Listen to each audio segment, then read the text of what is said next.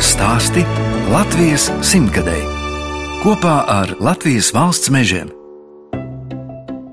Omrači ir mūsu izdomāts nosaukums. Ir ogļrači, ir zeltrači, kaprači arī ir. Un ir labas omas racēji, omrači. Šajā pagastā, šeit secē, te ir vairāki senie māju vārdi, kur ir šī izskaņa či. Mums ir salasāņči, mums ir nāči, jauči, čoči un tagad arī omrači. Tā stāsta Andra Simonova no Jaunjēlgavas novada Seces pagastu omračiem. Es, žurnāliste Daina Zalamane, šoreiz ciemojos pie ģimenes, kas dzīvojusi jūrmalā, bet pirms desmit gadiem pārcēlušies uz dzīvi Sēlijā. Andra un viņas dzīves biedrs Ingu Zālītis izveidojuši biedrību ekociemats, lai laukos veidotu ģimeņu komūnu un uzcēluši guļbaļķu ēku, amatu māju, kur notiek dažādas radošās nodarbības. Lai gan zemniekiem pieder 70 25 hektāri zemes, par lauksaimniekiem viņi sevi nesauc. Andra bioloģiski certificētās pļavās 20 hektāru platībā vāc tējas. Viņas dzimtas saknes ir Ziemeļvidzemē. Es pati nāku no burtniekiem. Vecā mājā tur sācis zemniekot mans brālis kopš vecā aiziešanas. Un es ļoti priecājos, ka tas neiet zudumā, ka tas turpinās.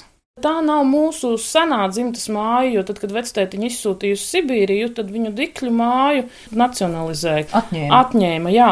Kad bija iespēja to atgūt, vectētiņš negribēja to ģimeni, kas tur jau dzīvo, atstāt bez mājām, un mēs vienkārši turpinājām dzīvot tajā mājā, kur viņš atgriezās no Sibīrijas. Ko tad senči darīja? Bija lauksemnieki? Jā, protams, nebija laikam īpaši liels izvēles. Tikļos mani vec, vec, vec, vecāki jau bija tur lauksaimnieki, un viņi šo vietu 19. gadsimtā izpirka un turpināja tur saimniekot līdz brīdim, kad viņus aizsūtīja uz Sibīriju. Ceļā uz turieni mans vecāks arī nomira. Paldies! Meitiņa atnesa teikanu. Mēs padzersim svaigas raudanas tēju. Jau nosmaržoja. Jūsu vecāki ar ko te nodarbojās? Māma ir jau mirusi, viņa dzīvoja un strādāja Rīgā un uh, vadīja pastu nodaļu. Un tētis joprojām dzīvo Burtniekos, viņš ir pensionārs un beidzot var atļauties braukt makšķerēt, kad viņam gribas. Un jūs pati, kāda bijāt bērnībā, kas jums interesēja? Biju tāds ļoti ziņkārīgs bērns, un mani interesēja vabolītes no triju gadu vecuma. Visiem stāstīja, ka es būšu biologs. Un tā tas turpinājās līdz pat vidusskolas noslēgumam, kad es vēl startēju bioloģijas olimpiādēs. Bet kaut kā bija gadījies tā, ka vidusskolā bija tāds moments, kad it kā varēja izvēlēties tos priekšmetus, izvēlējos visus, izņemot nes kāpēc fiziku. Droši vien, ka kaut kas man tur nepatika. Un līdz ar to bioloģijas fakultātē es varēju iestāties bez iestāju eksāmeniem, bet man vajadzēja piemācīties klātu fiziku. Un es domāju, ko es to gadu iešu zaudēt. Man otrā lielākā aizlība bija literatūra, un es aizgāju uz filoloģijas, nevis bioloģijas fakultāti. Bet kaut kā ir sanācis, ka es esmu pat daļai atgriezusies pie bioloģijas, jo studējot uh, vēlāk maģistrantūrā tradicionālo kultūru un uh, folkloristiku, man radās tā lielāka aizlība uz tējām, uz augiem sākot ar pirmajām ekspedīcijām uz Vārkavu Latgale, kur uh, bija iespēja parunāt ar Latgales zāļu sievām, kas bija tāda fantastiska pieredze, un mēs sākām šeit uh, laukos dzīvot, tad tās tējas kaut kā dabiski kļuva par dzīves sastāvdaļu. Andres dzīves biedru Ingu Zālīti sastopu pašās ciemošanās beigās, kad viņš atgriežas no pilsētas pēc mašīnas remonta. Ingus dzimta nāk no Sēlijas, un viņš rāda 1898. gadā uzņemtu fotografiju. Mans vectēvs. Tas mazais bēbītis. Jā. 1898. gada februāris. Jā, un tas, kas viņu tur klēpīja, tas ir, nu, mana vectēva tētis. Un te jau vecāks ir tāds paudzies. Bildēts permā, cara laikā. Cik neparastas tās fotogrāfijas, ja šeit, piemēram, ziemā iznesti ārā soliņi un sēžas. Šeit, jā, un viņa, viņa arī tādā ziņā simboliska, ka šeit viņi redzami kādu nedēļu pirms nošaušanas. Vienīgais iemesls viņi kvalitatīvi darīja savu darbu. Poļševiki. Viņiem tur kaut kas nepatīk, no ko jūs tur baltajiem kāpojat, ne uz dzelzceļa strādājam. Kāpēc tas vispār ir zināms? Tāpēc, ka vecāks bija vienīgais, kas izglābās. Redzēja, kā nogalina gan viņa tēti, gan brāli. Permai diezgan tālu, tas ir aiz urāliem. Būdams dzelzceļnieks, tur ierasties oglēs, trofejas revolverīti sasvīdušā plaukstiņā, pārbrauca pāri visai plašai Krievijai uz Krustpili. Nu, netālu no Krustpils ir ķoderi, ja, un tur ciemats vēl joprojām saucās to māju vārdā par ķoderiem. Kādreiz tajās mājās bija nu, daudz ar mūsu dzimtu saistīti cilvēki dzīvoja. Šobrīd e, tikai vienā. Te ir vecāks jau pēc atgriešanās no Permas, ja, un ar sievu Annu Rasiņu, nu vēlāk zālīti, un te ir manas vecmammas māsas aizmugurē. Andra jau teica, ka tā mhm. simboliski, ka jūsu radi nāk no sēlijas, un tagad jūs arī esat atgriezies Jā, viņi sēlijā. E, tīši vai netīši, bet, nu, tas ir diezgan laimīgi sagadīties būt tūmā tai vietai, kur senči ir dzīvojuši vismaz astoņās paudzēs. Tam ir kaut kāda nozīme? Noteikti, kad ir. Tās teorijas, kā cilvēkiem um, nu, pareizāk tur būtu jādzīvo, protams, ka ir simtiem, jā, bet nu, es esmu tās teorijas piekritējis, kad pēc iespējas uh, tuvāk savām saknēm. Arī seno laiku vēsturē cilvēki staigājuši pa pasauli, un tas ir normāli, bet pareizākais risinājums ir dzīvot ilgstoši uz vietas nelielā apvidū. Varbūt karš vai dabas katastrofa vai, vai plūdi vai kaut kas tāds ļoti, ļoti nozīmīgs, kaut kādas globālas pārmaiņas, bet tā bez iemesla tas, manuprāt, nav labi. Andra Simonova ar ģimeni dzīvojusi Rīgā. Tur arī kļuvusi par diplomētu filoloģi. Nedaudz pastrādājusi žurnālistikā, bet ar dzīves biedru Ingu Zālīti satikusies jūrmalā, pasaku mājā Undīne. Pasaku māja Undīna bija māja dubultos pretī dubultu stacijai, 150 gadus veca jūrmālas koka vasarnīca, kur bija ļoti īpatnēja vide. Es atceros, kad es tur pirmoreiz iegāju, mani pārsteidza vietas smarža, krāsas, tāda radošā noskaņa. Man ārkārtīgi iepatikās. Es tur biju gan brīvprātīgā, gan uh, projekta darbiniece. Tur notika pasākumi, tur notika radošās darbnīcas, vienkārši spontāni koncerti, kad kādi cilvēki atnāk un sāk muzicēt tāpat sava prieka pēc. Arī notika dažādas lekcijas, semināri.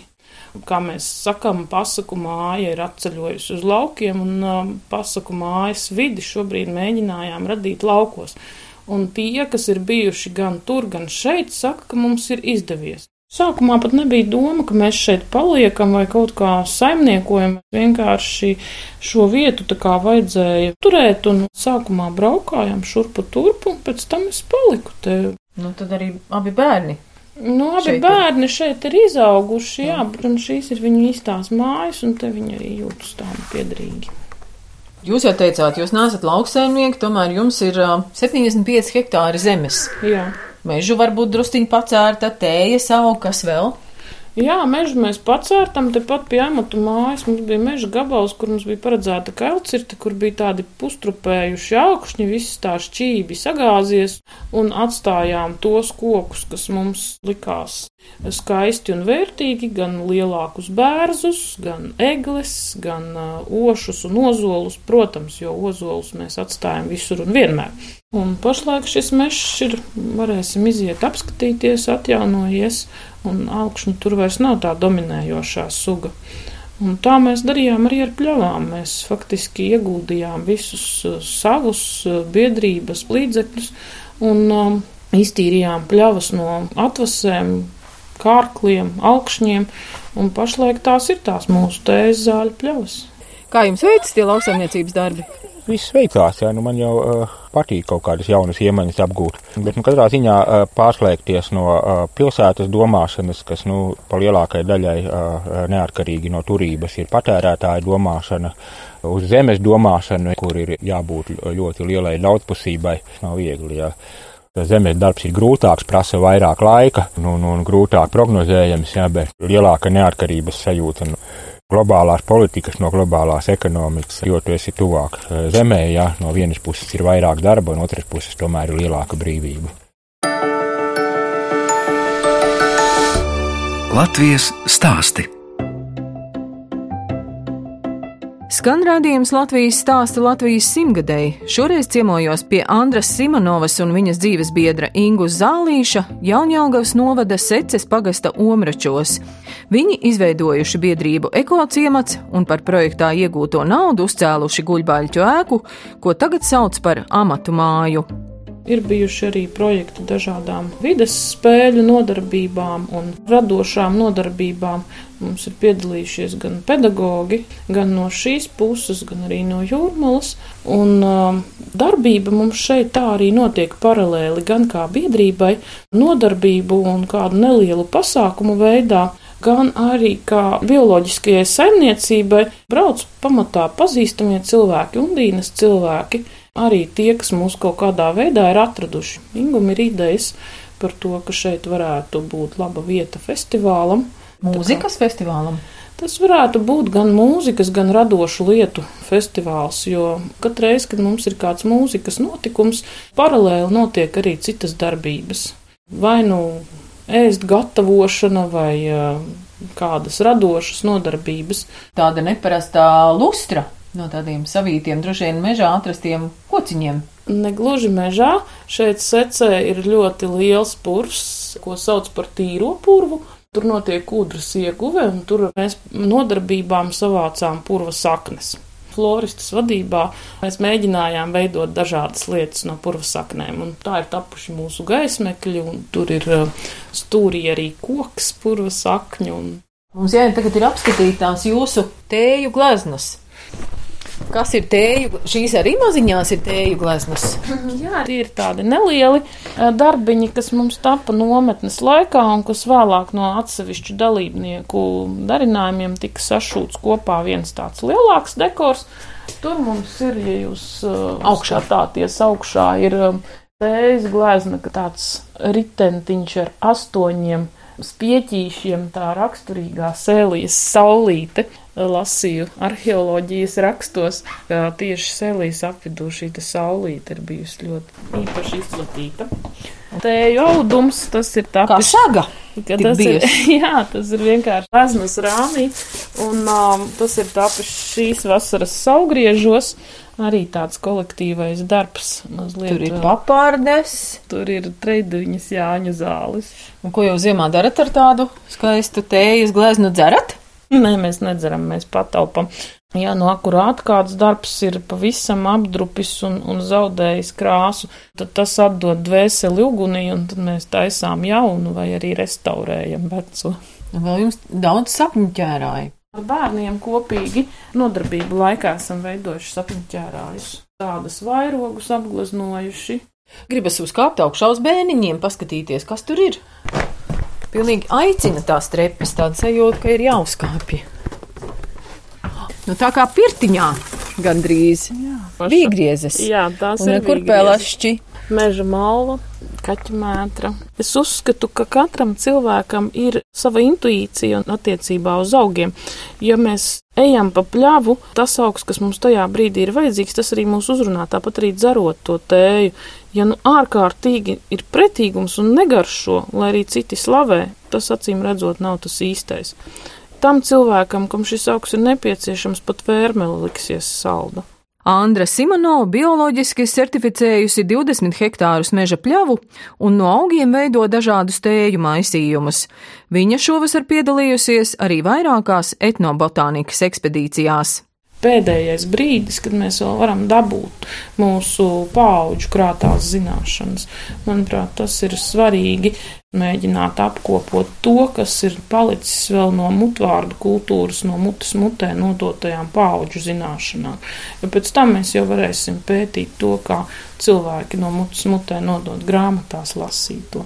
Jūs man stāstījāt, ka jūs esat šogad bijusi vairākās brīnišķīgās etnobotānikas ekspedīcijās. Ko tas nozīmē?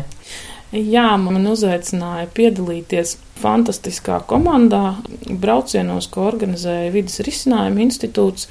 Ekspedīcijas notika Latvijā, dažādos novados. Pašlaik šie rezultāti tiek apkopoti, un es domāju, ka ar laiku būs pieejama arī publikācija Ekspedīcija ilgst atkarībā no iespējām. Mums bija dažādi. Bija piecas dienas, bija divas dienas un vēl divas. Mēs meklējām cilvēkus vidējā vecumā virs 40 gadiem. Bet kā ir cilvēki vēl dzer zāļu tējas vai vairāk jau paciņu tējas? Protams, nav tā, ka šīs zināšanas ir pilnībā izzudušas. Bet cilvēki tagad ārzniecības augus varbūt vairāk audzē dobē, lai nav uz mežu jāiet. Audzē arī dobēs, protams, jā, bet sēlijā, kuras te iesāku pirms desmit gadiem, staigāju vienkārši pa vecajām mājām un skatījos, kas šeit tiek audzēts. Tur nebija Helēna Ālāna ar nosaukumu padebesis. Un kam tādu audzēja arī, kā tēju? Helēna Ālāna tie padebesi lietoja, lai atvairītu negaisu. Tas ir ārstniecības augs, jā, viņi, protams, lieto arī tējām un, un, un tam līdzīgi, bet Rituāls lietojums šim augam ir tāds, ka negaisam nākot ir šī auga lapa jāpārplēš, un tad arī mākoņi pārplīsīs virs tās mājas un aizies negaiss garām. Varbūt siena laikā tas kādreiz bija ļoti nozīmīgi, un tāpēc pie katras mājas tādu augu arī vajadzēja. Lietoja nezāles krietni plašāk.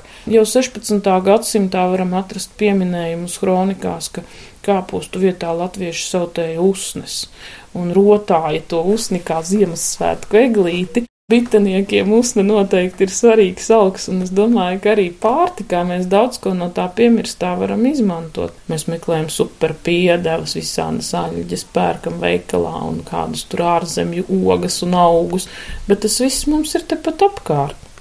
Izēja ārā un noplūc. Kopā ar Andru pa meža ceļu dodamies uz māju, kur saimnieki iekārtojuši tēju namiņu Šeit tā diezgan nomaļa vieta. Tas jūs nebaidīja, Andra, ka kaimiņi patālu.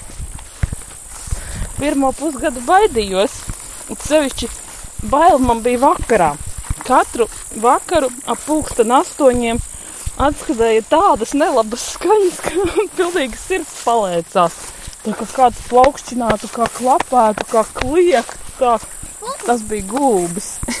Redz, kā daudzas pārnes, jā, sits pārnes. Vakaros, kad ceļas augšā no ūdeņiem, tad viņi taisa tādu elišķīgu trokstu, ka vakarā, kad tālu skan ir laba akustika, tad tas ir ļoti izteiksmīgi. Arī melnais stārts nāk ganīties dažreiz.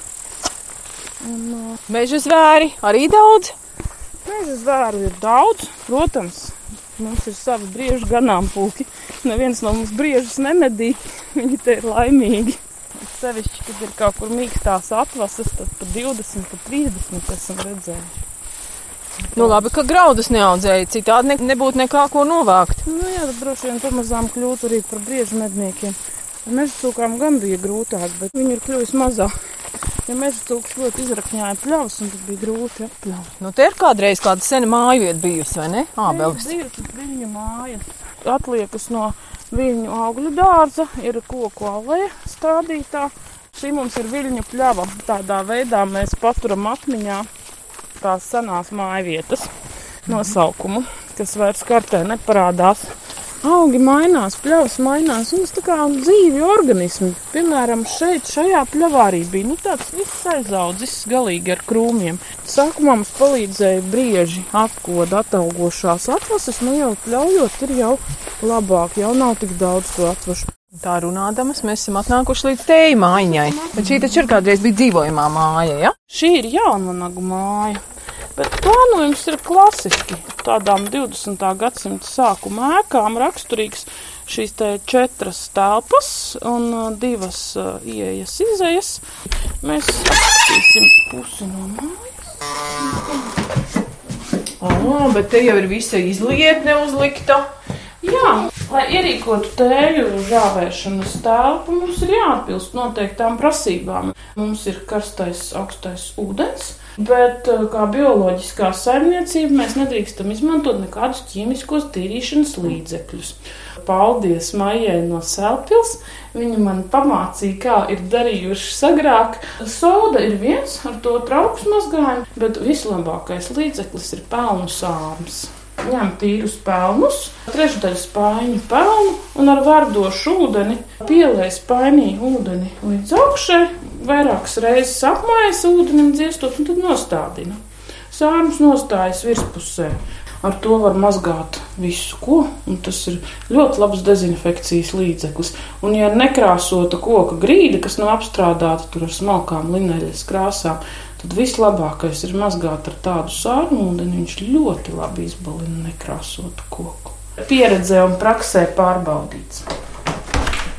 Tā, nu te ir mūsu tēta. Kā jau nosmaržoja? Protams, tas smaržo. tas, kas ir. Uh, savākts, tas ir salikts maisos un ielikts skapī, lai gaismas ietekmē nesāk bojāties, nezaudē savu kvalitāti. Vēl tiks turpināts arī vākt. Un tad pēc tam mēs to visu fasēsim, veidosim maisījumus. Te man ir tāds, tāds mazais eksperimentu plauktiņš. Te es veidoju dažādus uzlējumus uz augiem.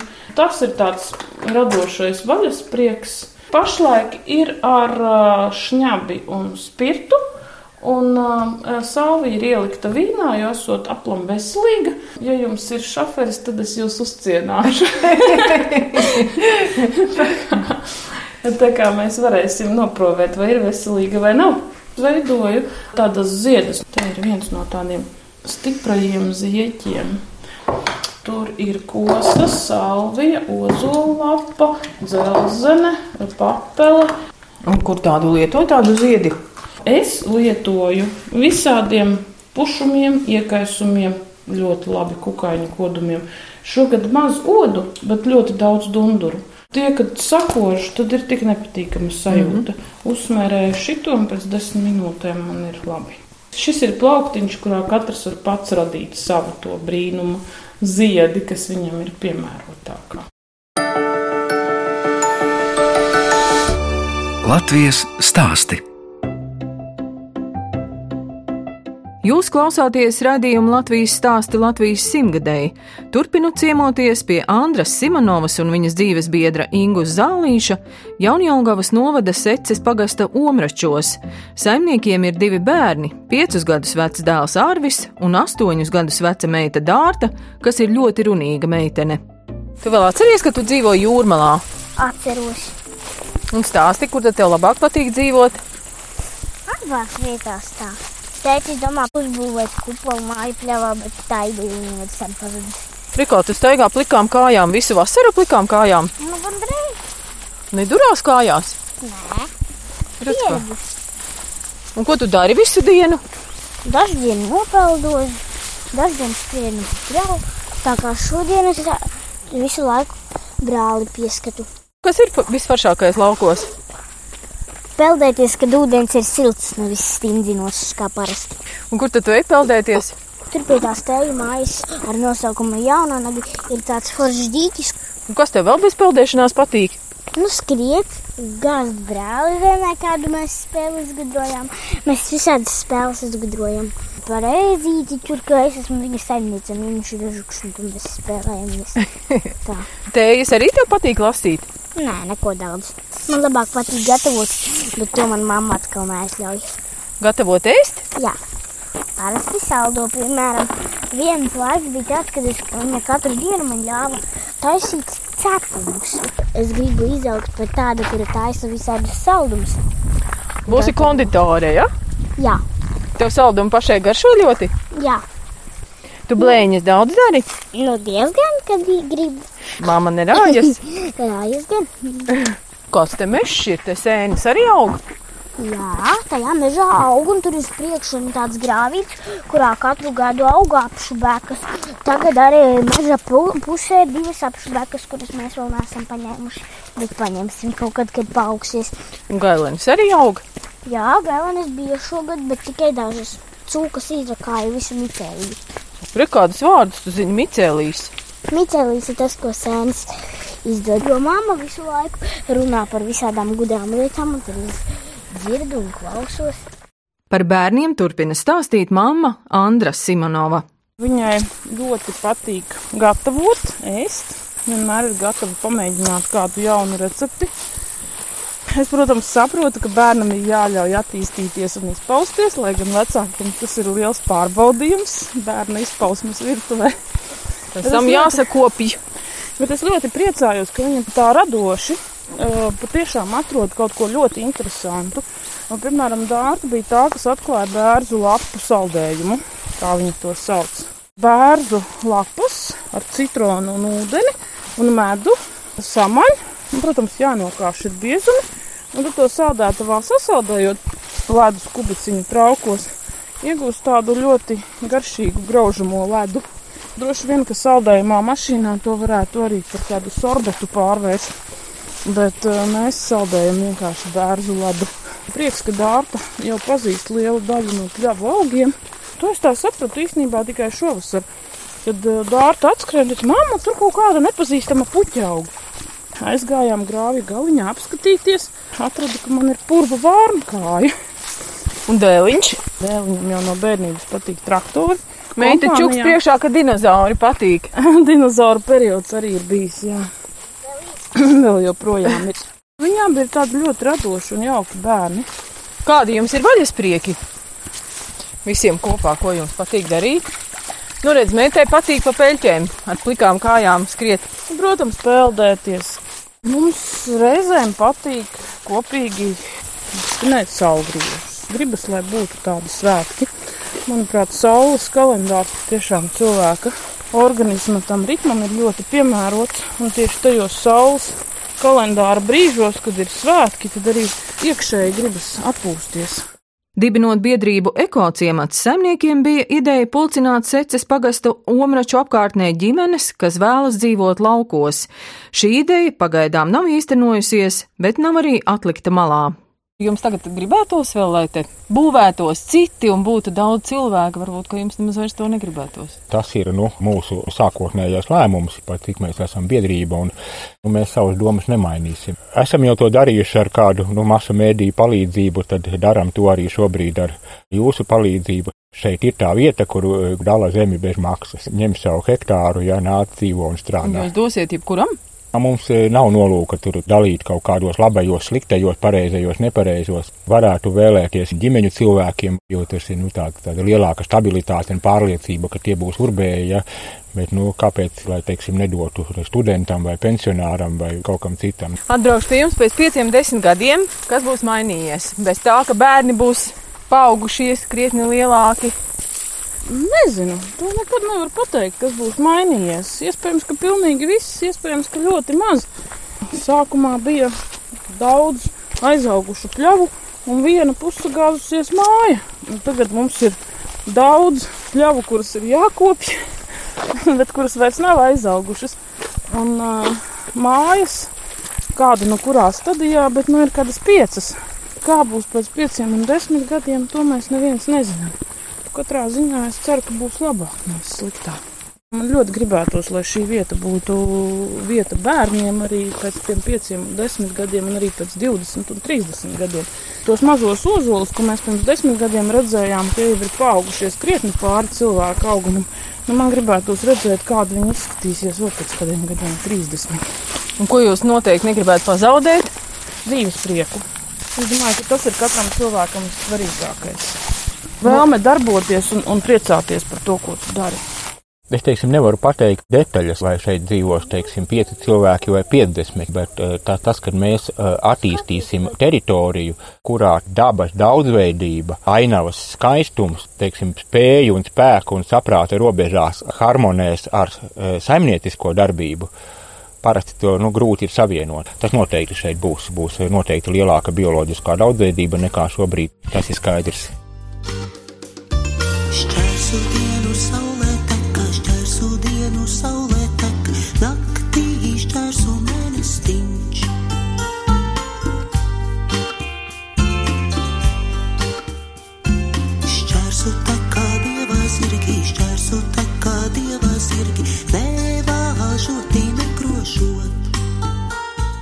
Radījums Latvijas stāsta Latvijas simtgadēji šoreiz izskan ar ilģu dziedāto dziesmu Šķērsu dienu saule teka.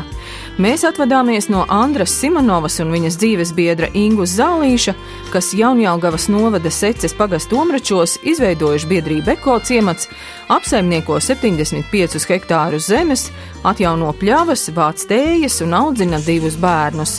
Saimnieku fotografijas, kā vienmēr, varat apskatīt Latvijas Rādio 1 mājaslapā. No jums atvedās žurnāliste Daina Zalamana un operators Rēnis Budze, lai tiktos atkal tieši pēc nedēļas. Krustiem skrējā dievā sirgi, krustiem skrējā dievā sirgi, lēduši